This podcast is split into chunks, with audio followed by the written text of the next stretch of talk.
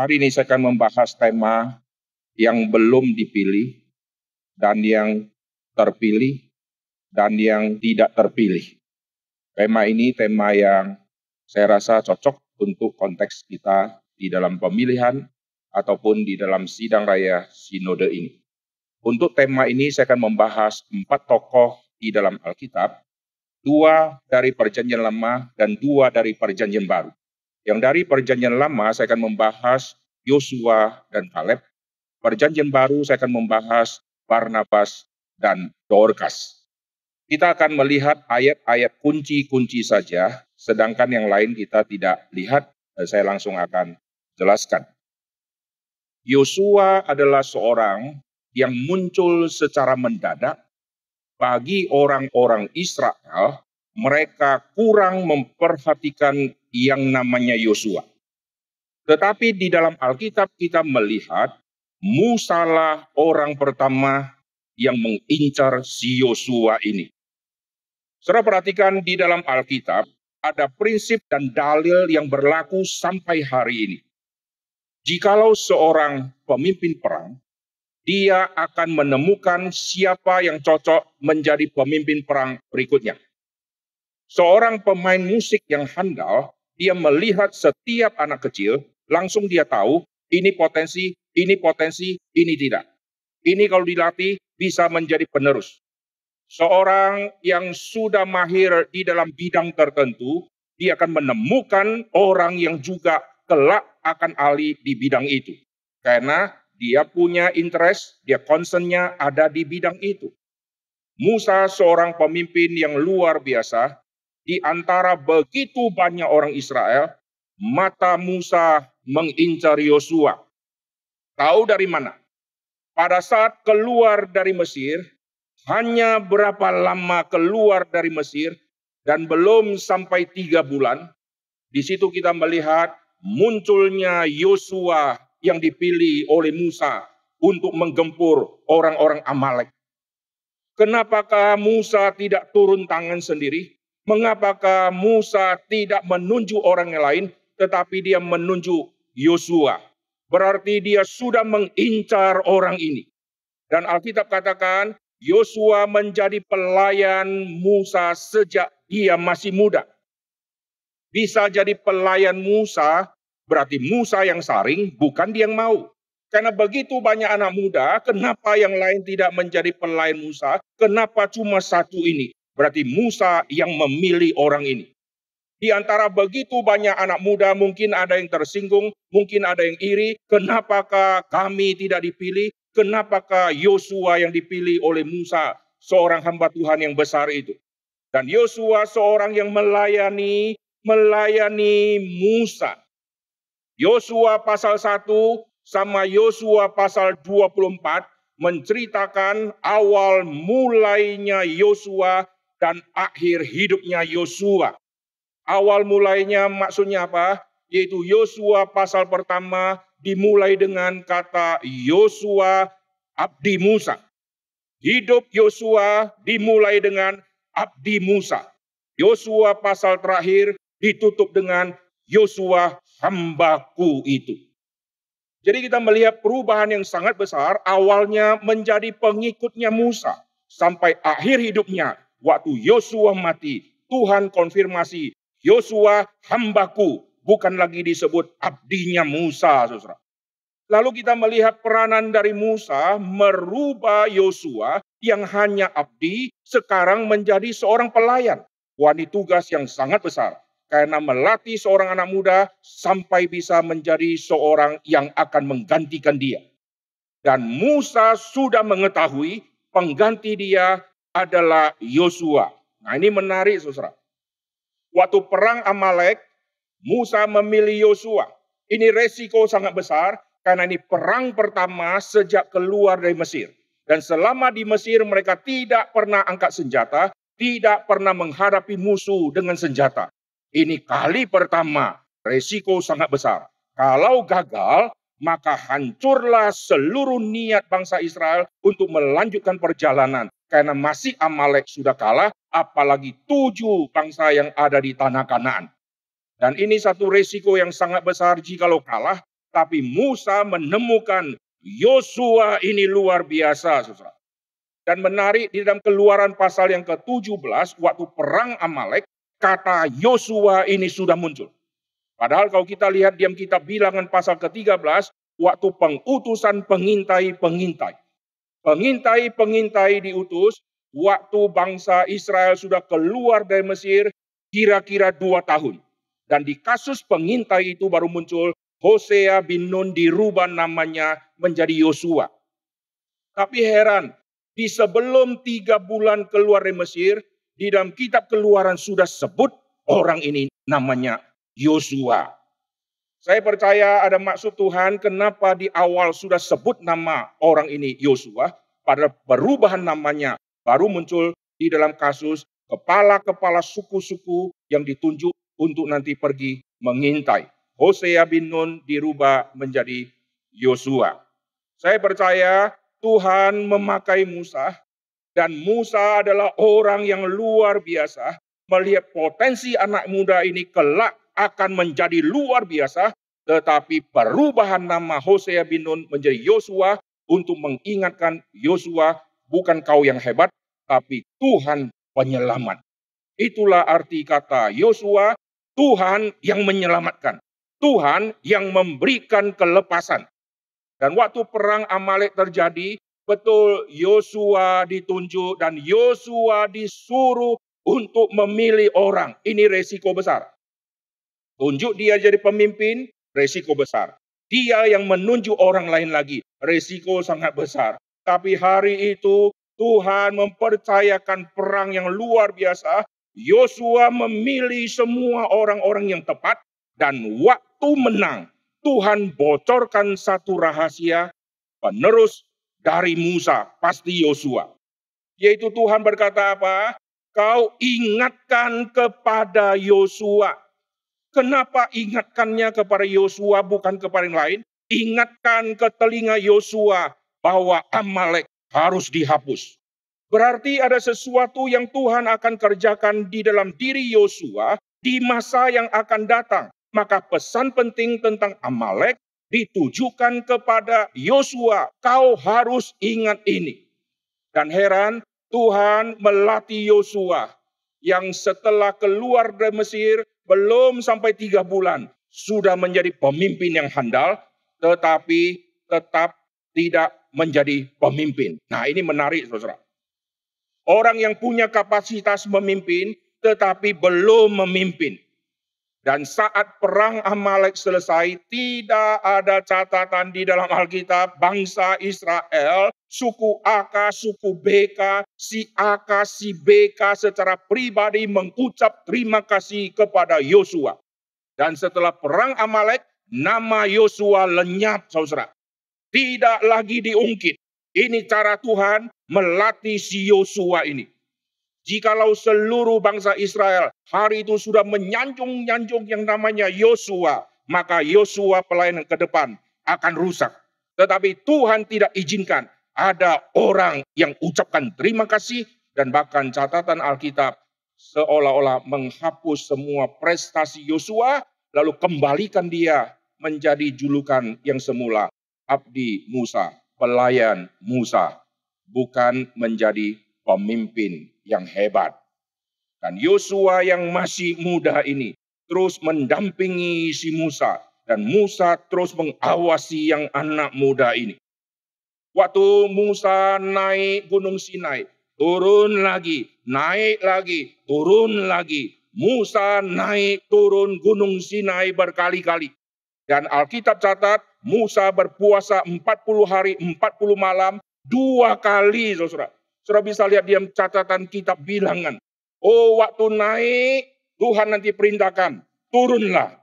Nanti kau naik lagi, bawa si Anu, si Anu, si Anu. Oke, dia turun, dia bawa. Nanti Tuhan bilang, turunlah, naiklah, turunlah, naiklah. Saat Tuhan berkata, turunlah, dan nanti kau naiklah. Ada satu saat Musa membawa Yosua. Tuhan tidak suruh Musa kau bawa Yosua naik. Tapi Musa membawa si Yosua naik. Dan saya amati dalam kitab suci, Tuhan tidak tegur si Musa. Mengapa aku suruh kau yang naik? Kau bawa Yosua.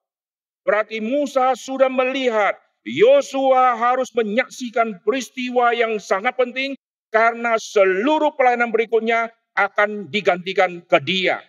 Tetapi seluruh orang Israel tidak mengerti. Musa membawa Yosua seorang yang masih muda. Lalu pergi ke Gunung Sinai. Nanti Musa lah yang naik ke tempat yang lebih tinggi itu. Lalu Yosua di masa muda terus memperhatikan jiwa dari Musa seorang pemimpin. Bagaimana saat dia kuat imannya, bagaimana saat dia menyesal, dia marah kepada Tuhan, atau tanda petik dia mulai lemah imannya. Yosua mengamati semua ini. Maka pesan Tuhan kepada Yosua, teguhkanlah hatimu. Maksudnya apa? Musa pernah tidak teguh hatinya. Teguhkanlah hatimu, kuatkanlah hatimu. Dan Yosua akhirnya dipilih oleh Tuhan dan dinyatakan secara massal bahwa dialah yang akan meneruskan pelayanan daripada Musa. Dan waktu saya melihat di dalam Alkitab, saya kaget lagi. Tidak ada satu suku pun yang berontak. Tidak ada satu mulut manusia yang berkata, saya tidak setuju. Bangsa Israel di otak mereka adalah bersungut-sungut dan tukang protes. Waktu Tuhan tetapkan Yosua, tidak ada satupun yang protes. Berarti integritas Yosua luar biasa. Jikalau Yosua waktu belum menjadi penerus Musa, lalu hidupnya sudah bergaya dan sombong luar biasa. Begitu ditunjuk, langsung mereka protes. Kami tidak setuju dari karakternya kayak setan. Maka hancurlah seluruh pelayanan Yosua di kemudian hari karena tidak didukung oleh semua suku dan tidak didukung oleh tua-tua. Tapi heran, tua-tua setuju. Seluruh rakyat setuju ini pertama kali di sejarah seluruh bangsa Israel bisa satu suara. Berarti Tuhan punya rencana. Tuhan melatih Yosua melalui Musa dan sukses adanya, saudara. Musa sukses melatih bukan hanya jiwa kepemimpinan, tetapi karakter dan keberanian yang luar biasa. Dan Yosua lah yang akan memimpin semua itu, saudara. Lalu bagaimana dengan orang kedua? Empat orang yang saya akan bahas di dalam tema belum terpilih, terpilih, dan tidak terpilih. Kaleb tidak terpilih, saudara. Waktu Yosua mengalahkan orang Amalek, dia namanya seolah-olah ditutup dengan cerita perjalanan yang begitu banyak. Saat cerita kehebatan dia ditutup, saat itulah Tuhan melatih orang seperti ini, saudara. Waktu Kaleb dan Yosua pulang dari pengintaian, Kaleb melampaui Yosua. Tahu dari mana? Kaleb adalah orang pertama yang menghentikan pembicaraan dari semua pengintai yang berpikir negatif. Kaleb langsung berkata, tidak, mari kita pergi karena Tuhan akan kasih negeri itu. Kaleb orang pertama. Mengapa? Karena Kaleb sama Yosua, Yosua abdi Musa sejak muda dan masih berumur sangat muda. Maka Kaleb yang umurnya lebih tua, Kaleb yang berani mengatakan kalimat itu. Tidak, kita akan pergi gempur, saudara. Dan Alkitab catat, Kaleb pernah membicarakan rahasia umur dia. Kaleb berkata, waktu tiba di Kades Barnea. Di titik itu nanti akan kirim pengintai. Waktu itu aku berumur 40 tahun. Nah dari situ kita akan mengamati. Berarti kalau saat di Kades Barnea dia umur 40 tahun. Waktu keluar dari Mesir. Dari Mesir menuju Kades Barnea. Cerita tentang pengintai itu jaraknya dua tahun. Setelah mengintai, 38 tahun kemudian, barulah tanah perjanjian digempur. Nah perhatikan kalau di Kades Barnea, si Kaleb umur 40, berarti keluar dari Mesir, dia umur 38. Dan Musa punya abdi Yosua yang masih sangat muda. berarti jarak umur Kaleb sama Yosua pasti sangat jauh. Dan Kaleb orang pertama yang menghentikan seluruh kalimat negatif dari banyak orang.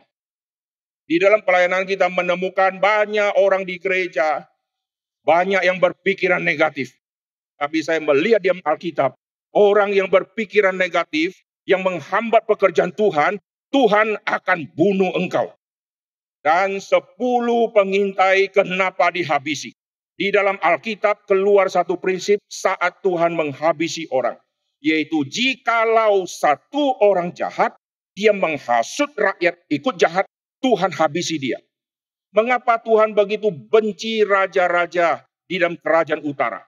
Karena si rajanya jahat, dia menghasut rakyatnya untuk sama-sama jahat melawan Tuhan. Maka Tuhan habisi. Lalu kenapa Tuhan puji Raja Selatan? Karena si rajanya membawa umat, membawa orang Israel untuk menyembah Tuhan seperti Daud ayahnya atau Daud nenek moyangnya. Ini prinsipnya. Jikalau satu menghasut, Tuhan habisi dia. Jikalau satu membawa seluruh umat, Tuhan memberkati dia. Si Kaleb berkata, tidak, kita akan maju berperang. Jangan biarkan orang yang negatif berkata terlalu banyak, mesti di stop. Tidak, kita akan maju berperang, nanti barulah muncul di Alkitab, Yosua dan Kaleb mengoyakkan bajunya. Dan di dalam Alkitab muncul satu kalimat yang sangat menarik. Yosua dan Kaleb, dua orang ini sama-sama disebut mengikuti Tuhan dengan sepenuh hati. Tetapi sebutan mengikuti Tuhan dengan sepenuh hati, Kaleblah yang paling banyak. Berarti dari situ kita menemukan Kaleb orang yang sangat berpotensi. Tetapi kenapa Tuhan tidak pilih, saudara? Saya percaya Tuhan waktu memakai Musa merubah Hosea bin Nun menjadi Yosua, ada maksud Tuhan mengenai rencana kekal keselamatan Tuhan yang Tuhan mau nyatakan karena Yosua akan ditipologikan dengan Kristus. Sedangkan Kaleb, Tuhan biarkan dia dengan tidak dirubah namanya. Istilah Kaleb di dalam tiga konsonan bahasa Ibrani, kalau beda huruf hidup, beda arti. Kaleb itu artinya mengikuti Tuhan dengan sepenuh hati. Kata dasarnya adalah dengan sepenuh hati. Itulah Kaleb. Tetapi kalau huruf hidupnya dirubah menjadi Kaleb, itu menjadi anjing, saudara. Tiga konsonan membentuk kata bisa ke anjing, bisa ke dengan sepenuh hati. Maka kita lihat pengulangan kata dengan sepenuh hati, dengan sepenuh hati, dengan sepenuh hati, terus ditujukan kepada Kaleb. Karena nama Kaleb artinya sepenuh hati. Yosua sama Kaleb mengikuti Tuhan dengan sepenuh hati. Lalu yang Yosua dipilih, yang Kaleb tidak dipilih menjadi penerus dari Musa. Saat itu kita melihat bagaimana jiwa Kaleb yang disebut lain jiwanya. Kalau kita kelainan jiwa, saudara. Kalau Kaleb lain jiwanya. Nah, kalau lain jiwanya, bagaimana tahun depan? Bagaimana nanti dia satu, wah, saudara. Orang yang begitu potensi, orang yang stop pembicaraan dari semua pengintai negatif, dan orang yang mendapat sebutan yang paling banyak tentang mengikuti Tuhan dengan sepenuh hati, itu adalah Kaleb. Di dalam Alkitab, lima kali Kaleb disebut mengikuti Tuhan dengan sepenuh hati. Kali yang pertama, waktu dia bersama dengan Yosua, dua-duanya disebut mengikuti Tuhan dengan sepenuh hati. Saya singkirkan, dan lima kali khusus pribadi ditujukan kepada yang namanya Kaleb. Di dalam Alkitab kita melihat kitab ulangan, kitab bilangan, dan kitab Yosua. Ulangan satu kali, bilangan satu kali, Yosua tiga kali. Kaleb mengikuti Tuhan dengan sepenuh hati. Mengapa kata ini muncul terus? Karena kata ini untuk membedakan dua wilayah orang-orang Israel pada waktu itu. Nanti semua kelompok yang baik, kelompok yang positif, yaitu Kaleb dan Yosua, ditempatkan di dalam kelompok, yaitu Kaleb dan Yosua mengikuti Tuhan dengan sepenuh hati. kelompok yang negatif mengikuti Tuhan dengan tidak sepenuh hati. Jadi kata sepenuh hati membedakan dua kelompok manusia. Nanti muncul juga di dalam cerita Salomo sama Daud. Salomo waktu masa tua tidak mengikuti Tuhan dengan sepenuh hati, tidak seperti Daud ayahnya. Berarti Daud kelompok yang baik, Daud kelompok yang mengikuti Tuhan dengan sepenuh hati. Salomo tidak mengikuti Tuhan dengan sepenuh hati. Nanti turun lagi Abiam sama Daud. Abiam tidak mengikuti Tuhan dengan sepenuh hati. Sedangkan Daud mengikuti Tuhan dengan sepenuh hati. Seluruh sejarah pelayanan dipisah di dalam dua titik ini. Sepenuh hati sama tidak sepenuh hati. Lihat diam Alkitab membedakan dua kelompok manusia yang sepenuh hati sama yang tidak sepenuh hati. Kaleb orang yang sangat berpotensi. Dari suku saja dia Yehuda. Yehuda adalah suku yang luar biasa di dalam nubuatan Yakub sebelum dia mati. Yakub berkata tentang Yehuda, Yehuda kamu seperti anak singa. Habis kau terkam, anak singa saja sudah berani terkam, saudara. Habis kau terkam, kau pergi ke gunung yang tinggi. Engkau tiarap, engkau berbaring seperti singa jantan dan singa betina, saudara.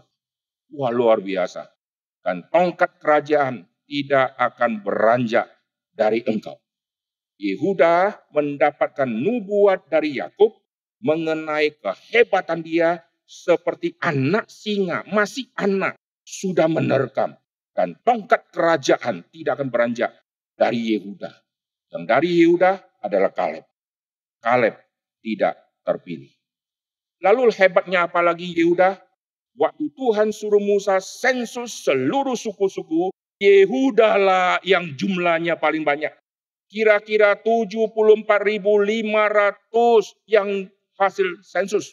Oh secara masa dia paling banyak masa. Tetapi yang dari Yehuda keluar Kaleb tidak dipakai oleh Tuhan menjadi penerus dari Musa.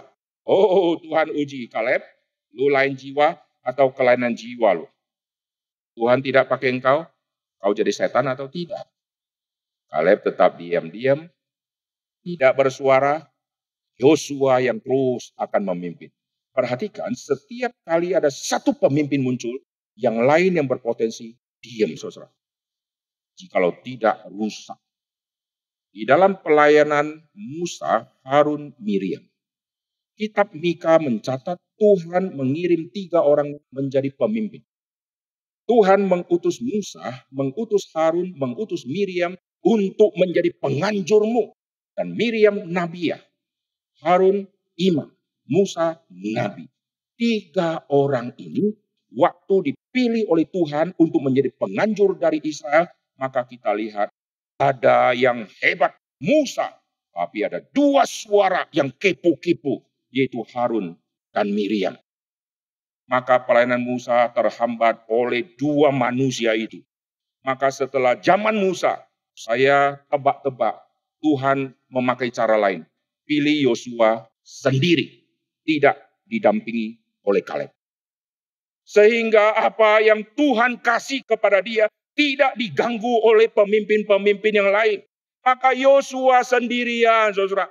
Di zaman Musa perlu ada tiga, Musa, Harun, Miriam lalu ditambah tua-tua. Di zaman Yosua cuma dia sendiri bagaimana dengan Kaleb? Oh Kaleb dari suku Yehuda yang sangat penting. Waktu pendirian kemah suci, Tuhan yang menetapkan nanti di posko mana, timur, utara, selatan, dan barat, bani-bani mana yang akan tinggal. Dan empat titik, timur, utara, selatan, dan barat, disebut dengan istilah panji-panji. Di timur, Panji Yehuda. Di selatan, Panji Ruben. Setiap Panji ada tiga suku. Maka empat sudut timur, barat, utara, selatan, kali tiga, dua belas suku. Di timur Tuhan tetapkan Panji Yehuda. Di selatan Panji Ruben. Di barat Efraim. Saudara lihat, Efraim ditaruh di paling barat di sini. di utara Panji Dan. Dan semua tempat ini adalah tempat nanti mereka keliling kemah suci dan di situlah mereka tinggal saudara. Saat tiang awan berhenti, mereka tinggal di situ dengan posisi yang sudah Tuhan tetapkan. Dan lebih heran lagi, saat tiang awan bergerak, Tuhan tetapkan mana yang jalan duluan. Saudara perhatikan, Tuhan tetapkan yang Panji Yehuda yang jalan duluan. Ini pasti mati duluan. Di dalam perang, yang di depan yang paling ngeri, saudara. Yang di belakang, kalau lihat depan sudah mati banyak, tinggal kabur. Yang di depan mau kabur ke mana? Mau ke belakang ada orang, saudara. Panji Yehuda yang di paling depan. Saudara baca di kitab bilangan pasal kedua. Waktu Tuhan tetapkan yang timur Panji Yehuda. Dengan didampingi dua suku yang lain. Total dari Panji Yehuda sama dua suku memecahkan rekor yang paling banyak, saudara. Yang paling banyak ini bagaimana dengan Kaleb? Tuhan tidak pilih Kaleb menjadi pemimpin di Panji Yehuda. Wah, saya tertarik saudara. Mengapa Tuhan abaikan si Kaleb? Mengapa Tuhan coret nama si Kaleb menjadi pemimpin di Panji Yehuda? Bukankah dia adalah orang yang luar biasa selain Yosua dan Kaleb? Tuhan tidak pilih si Kaleb. Tuhan pilih orang lain. Nah, saat itu saya penasaran. Saya amatin terus. Bagaimana dengan Kaleb? Dia mulai kasak kusut, kasak kusut, mulai protes sini, protes sini. Eh tidak, saudara. Akhirnya perjalanan begitu baik, semua jalan dengan baik. Si Kaleb tidak bersuara, saudara. Sampai waktunya tiba, Kaleb bersuara. Nah saat dia bersuara, saya kagum luar biasa. Dia berkata kepada Yosua, sekarang aku sudah umur 85 tahun. Sejak di Kades Barnea aku berumur 40 tahun. Jadi waktu pengintaian terjadi dia umur 40 tahun. Dan Kaleb lain jiwanya. Orang yang begitu berani, kita maju, kita perang. Bagaimana waktu dia tua? Dulu waktu saya membawa tim KKR keliling seluruh Sumatera Utara, saya sama pengisi Rajali kita keliling sampai ke dalam-dalam. Lalu Pak Tong berkata, kalian sudah keliling ke mana? Kami masuk Sumatera Utara dan kami gempur sini berapa banyak kota ini, kota ini, kota ini. Pak Tong keluarkan satu kalimat. Kalian pelayanan ingat satu prinsip. Jangan seperti naga. Naga kan semangat toh. Berarti kami cacing dong. Karena bukan naga. Artinya apa ini? Naga kepalanya besar, galak. Makin kecil, makin kecil. Jadi ekor kecil, saudara. Wah, di situ saya mengerti. Mulai dengan kepala naga, diakhiri dengan kepala dinosaurus kali ya. Bukan diakhiri dengan ekor. Wah, di situ saya tangkap. Mulai dari kepala naga, jangan berhenti di ekor. Jangan panas-panas tai ayam di depan, lalu ekornya akhirnya menciut dan saya tangkap kalimat ini sampai hari ini, saudara. Waktu di masa pengintaian di Kades Barnea, dia sebut, aku umur 40 tahun. Sekarang aku umur 85. Ada apa orang tua ini berkata, aku umur 85? Dia berkata, dulu aku kuat. Sekarang umur 85, aku juga kuat.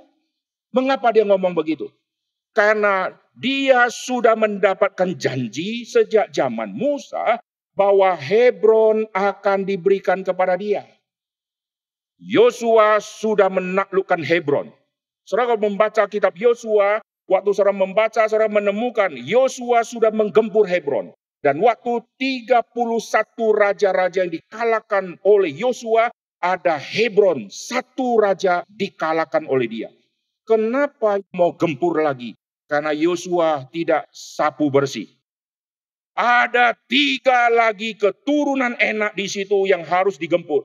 Kenapa dia terus mengincar Hebron? Karena janji Tuhan tentang Hebron. Dan saya tafsir, karena di situ ada makam leluhur. Maka harus ambil balik. Kalau tidak makam leluhur, Abraham, Ishak dan Yakub karena tiga orang ini Tuhan ulangi janji tentang tanah perjanjian.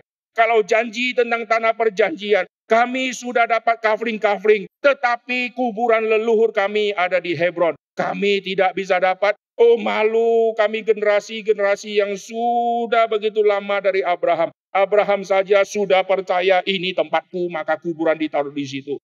Bagaimana Hebron masih diduduki oleh tiga orang enak, tiga raksasa di situ, maka dia minta, aku umur 85. Aku akan pergi menggempur, aku akan menaklukkan Hebron. Dan akhirnya Hebron ditaklukkan oleh dia.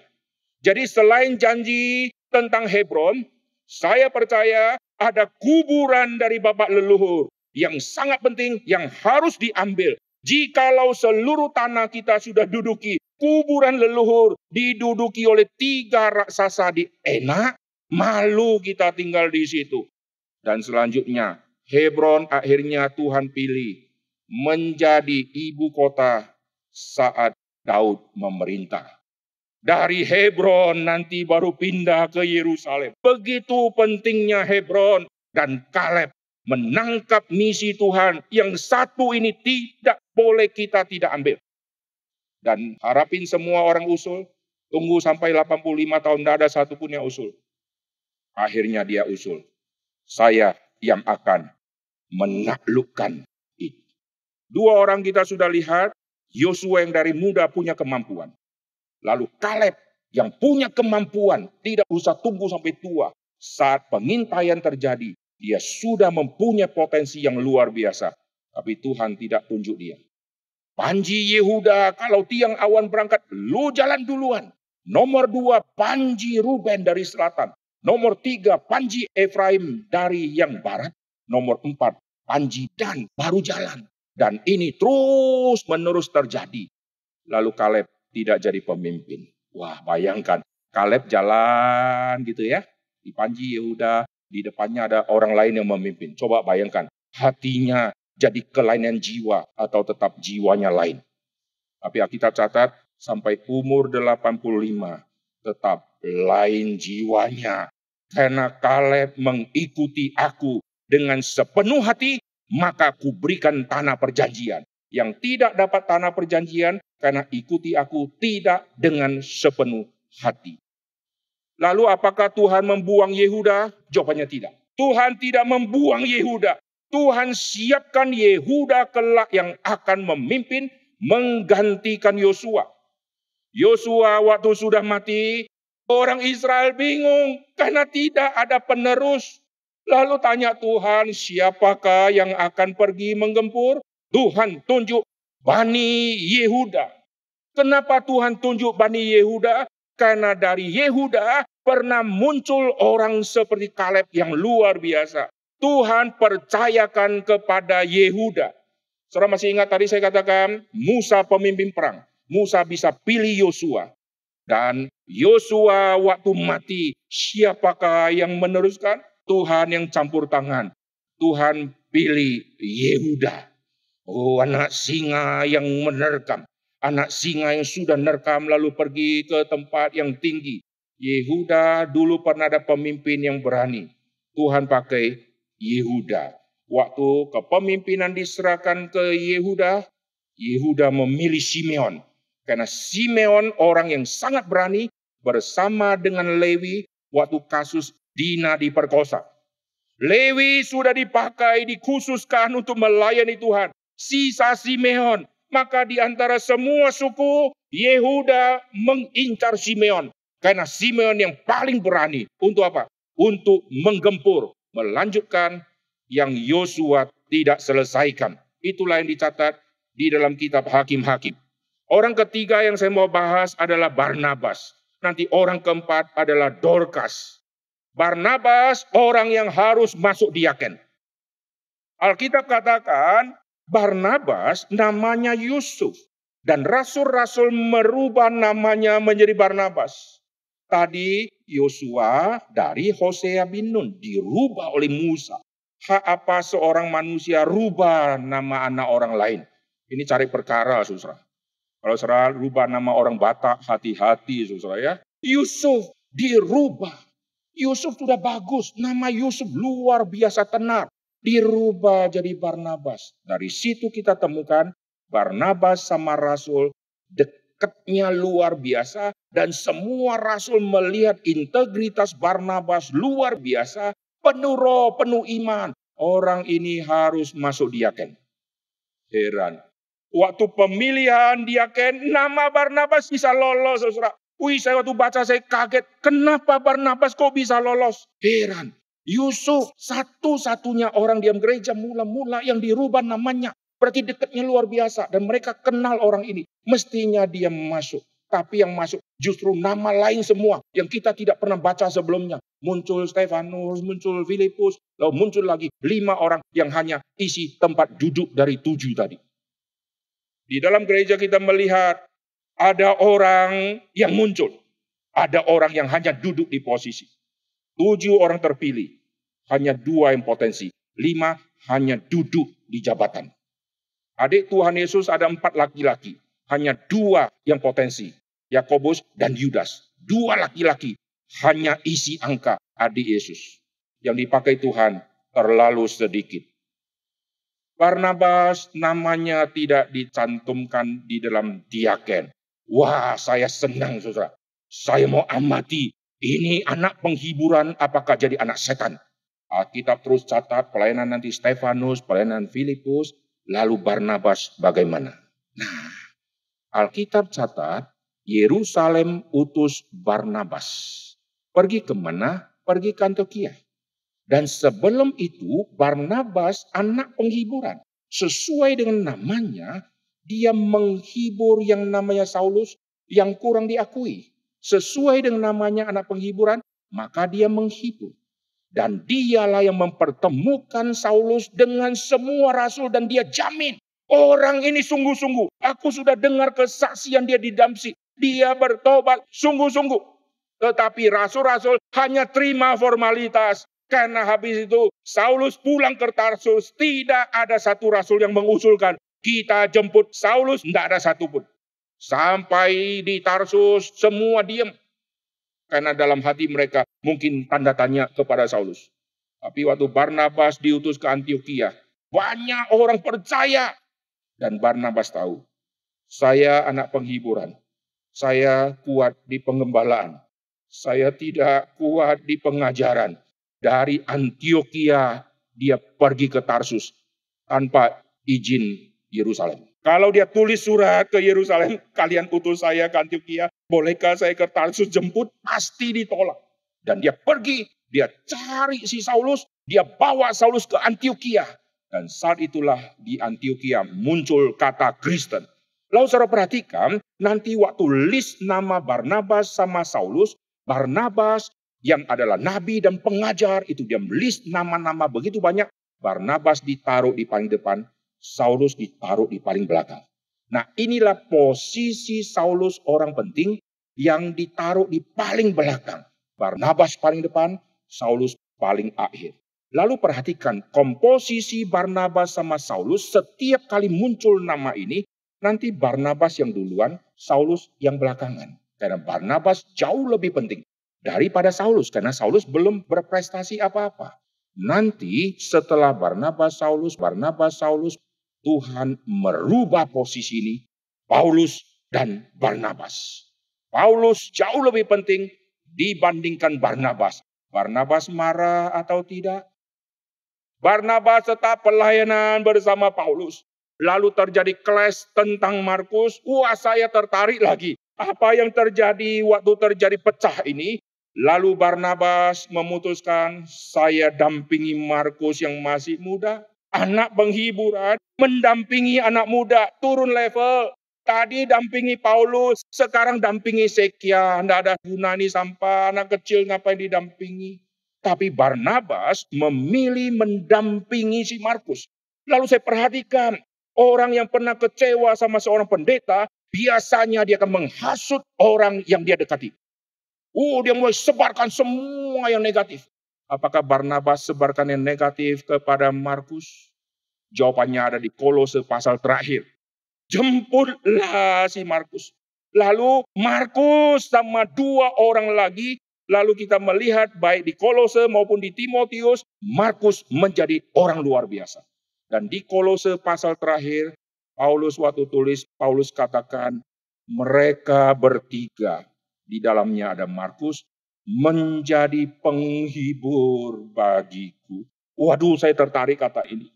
Barnabas anak penghiburan, merubah Markus yang kecewa sama Paulus menjadi penghibur Paulus. Oh luar biasa. Orang yang tidak terpilih jadi diaken, tetapi melayani tanpa ada jabatan diaken. Saya kagum sama Barnabas ini. Lalu orang terakhir, orang keempat. Dialah mestinya diakones pertama di dalam seluruh gereja mula-mula, yaitu Dorcas.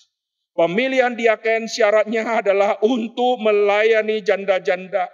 Saat itu layani janda. Semua rasul pilih tujuh diaken untuk layani janda. Oh, saya waktu baca, saya senang kata itu. Layani janda berarti job desk. Tetapi mereka waktu melayani tidak pernah dicatat mereka kunjungi janda-janda. Oh puji Tuhan kalau mereka melayani job desk, mereka akan ikut janda-janda yang kabur saudara. Lalu tanya rumahmu di mana, saya mau doakan kau. Karena job desk saya layani janda-janda. Saat penganian, semua kabur. Semua rasul buntuti janda-janda, saudara. Sehingga janda-janda heran, ini mafia atau bukan. Tugas kami layani janda-janda. Maka janda ke mana kami harus ada di situ. Oh heran, setelah tujuh orang terpilih tidak dicatat layani janda. Stefanus memberitakan Injil sampai mati. Lalu Filipus pemberita Injil. Dan anak dia juga menjadi pemberita Injil, saudara. Jadi melampaui job desk, melayani janda. Tetapi ada satu orang yang sungguh-sungguh memenuhi syarat, yaitu yang melayani janda, dialah Dorcas. Saudara perhatikan, waktu perkenalan tentang nama Dorcas, jangan hanya lihat dia buat bajunya. Perkenalan Dorcas dimulai dari dia murid perempuan. Berarti jangan melihat dia punya keahlian hanya jahit, tidak. Dia jahit ini bagian kedua. Ini tindakan dari iman dia yang luar biasa. Apa yang menghidupkan iman dia? Kristus menghidupkan iman dia, maka dia disebut murid. Dan bukan hanya setelah hidup, dia menjadi orang Kristen biasa, tapi dia murid. Berarti dia belajar firman. Dan Dorcas adalah satu-satunya wanita yang disebut di Alkitab murid perempuan. Oh luar biasa, ini diakones pertama. Di dalam tafsiran saya, inilah diakones pertama yang tidak masuk di dalam seluruh daftar diaken-diaken. Pada waktu itu memang yang dipilih laki-laki, kita sekarang ada pilih wanita, ada diakones, dan Dorcaslah orang yang cocok jadi diakones. Bukan hanya sibuk-sibuk buat baju, tapi murid. Di dalam gereja saya melihat banyak orang beraktivitas. Sisi pertama, job desk-nya apa, dia kerjakan sesuai dengan itu. Sisi yang lain dia lakukan apa? Terus aktif. Waktu PA, tidak pernah datang, saudara. Waktu pembinaan, selalu absen. Tidak punya hati mau jadi murid. Barnabas tidak terpilih, tetapi menunaikan semua tugas dengan baik.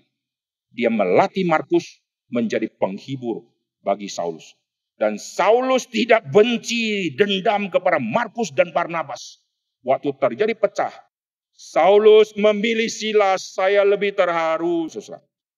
Dia memilih Silas kenapa? Karena satu-satunya orang yang mempunyai dui warga negara selain Paulus adalah Silas. Perpecahan terjadi, boleh terjadi, tetapi misi Tuhan tidak boleh gagal. Maka dia pilih Silas yang berdui warga negara untuk menggempur kerajaan Romawi, saudara. Maka kita lihat pelayanan Tuhan terus berkembang.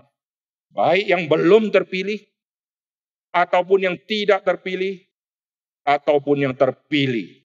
Semua kita dipersiapkan oleh Tuhan untuk melayani Tuhan dengan sepenuh hati. Amin. Hari ini adalah hari yang akan diumumkan, yang belum terpilih, atau yang terpilih, atau yang mungkin sampai selama-lamanya tidak terpilih. Lalu saudara mau seperti siapa? Mau yang model pengintai yang berpikiran negatif, yang punya potensi tapi belum saatnya, terus taat?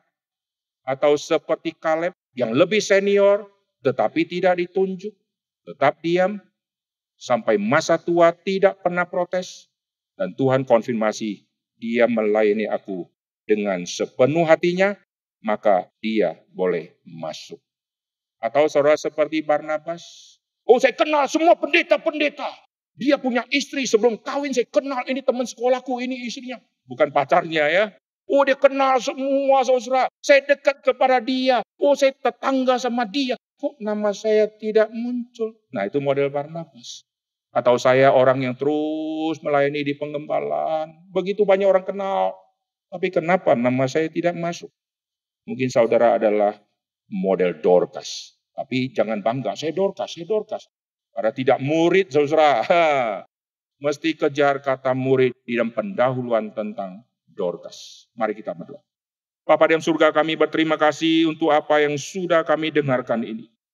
Tuhan pimpin setiap kami anak-anak Tuhan yang Tuhan utus, yang Tuhan kirim ke dalam gerakan reform, begitu banyak kalangan, begitu banyak motivasi-motivasi yang dibawa di dalam gerakan reform, Tuhan rubah kami, Tuhan proses kami, baik setiap kami yang masih muda ataupun yang senior, baik setiap kami yang dekat sama hamba Tuhan maupun seorang wanita biasa. Jadikan kami sebagai orang yang dilatih oleh Tuhan yang menjadi berkat bagi banyak orang. Berkatilah gerakan Reform Injili, berkatilah seluruh cabang GRI, MRI, PRI. Dengar doa kami dalam nama Tuhan Yesus kami berdoa. Amin.